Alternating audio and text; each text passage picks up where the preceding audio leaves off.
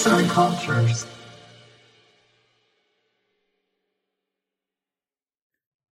Merhaba sevgili dinleyenler. Bugün sizlere kitabı Divan-ı Lügat-ı Türk'ten bahsedeceğiz.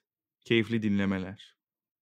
1072 Ocak ayında yazmaya başlanıp 1077 Ocak ayında bitirilen bu eser Türkçenin bilinen ilk sözlüğüdür. Kaşgarlı Mahmut yazdığı bu eseri dönemin Abbasi halifesinin oğlu Ebul Kasım Abdullah'a sunmuştur. Duymaya aşina olduğumuz kalıp cümlenin de dediği gibi Araplara Türkçe öğretmek için yazılmıştır. Eserin dil malzemesi Türk dünyasından toplanmış fakat Bağdat'ta kitap haline getirilmiştir. Tam adı ise Türk dillerini toplayan kitap anlamındaki Kitab-ı Divan-ı Lügat-ı Türk'tür. Dönemin ortak diliyle yazılmış olsa da çeşitli Türk boylarının ağızlarına da yer verilmiştir. Eserde bu boylar hakkında açıklamalar da yapıldığından ansiklopedik sözlük olarak anılır.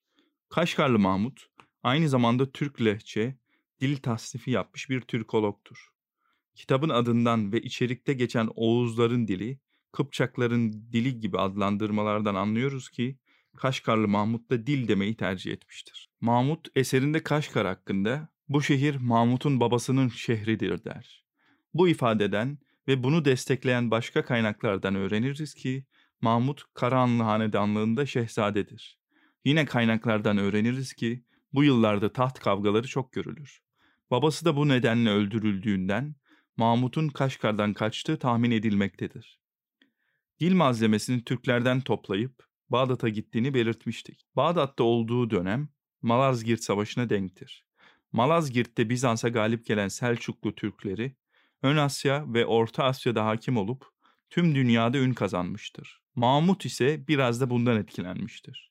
Ona göre Tanrı, dünya idaresini Türklere vermiştir. Bu yüzden Araplar iyi makamda olmak istiyorlarsa Türkçe öğrenmelidirler. Onlara bunu tavsiye eder ve öğretir. Ayrıca Oğuzların ağzına geniş yer vermesi de bize bu siyasi üstünlükten etkilendiğini kanıtlar. Kaşgarlı Mahmut eserde belirttiğine göre Cevahirün Naf fi lügatü Türk yani Türk dilinin gramer cevherleri adında bir Türk dili grameri de yazmıştır. Fakat o kitap bu zamana kadar bulunamamıştı. O sadece sözlük yazarı değil, bundan çok ötedir. Ek olarak ağız araştırmacısı, halk edebiyatı için saha araştırmacısı ve etnologtur. Wilhelm Radloff ona Türkolojinin babası der ve haklıdır. Amaç Araplara bir şeyi öğretmek olduğundan eserin giriş kısmı ve açıklamalar Arapçadır. Eserin giriş yazısını Kaşgarlı Mahmut kendisi yazmıştır ve yaptığı işi anlatır. Türklerin şarlarını, çöllerini dolaşıp onları anlayıp en iyi surette sıraladığını ve en iyi düzenle düzenlediğini belirtir. Kendini standart dili en iyi bilen kişi olarak gören Mahmut, gezileri sırasında birçok boyun dilini de öğrenmiştir. Giriş kısmında Tanrı, peygamber övgüsünden sonra Türkleri ve Türklüğü övdüğü bölüm de vardır. Türkçeden Arapçaya bir sözlüktür. Kelimenin Arapça karşılığı verildikten sonra cümle içinde kullanımına dair bir örneği de verilir. Bu cümleler genelde ya atasözü ya da dörtlüktür.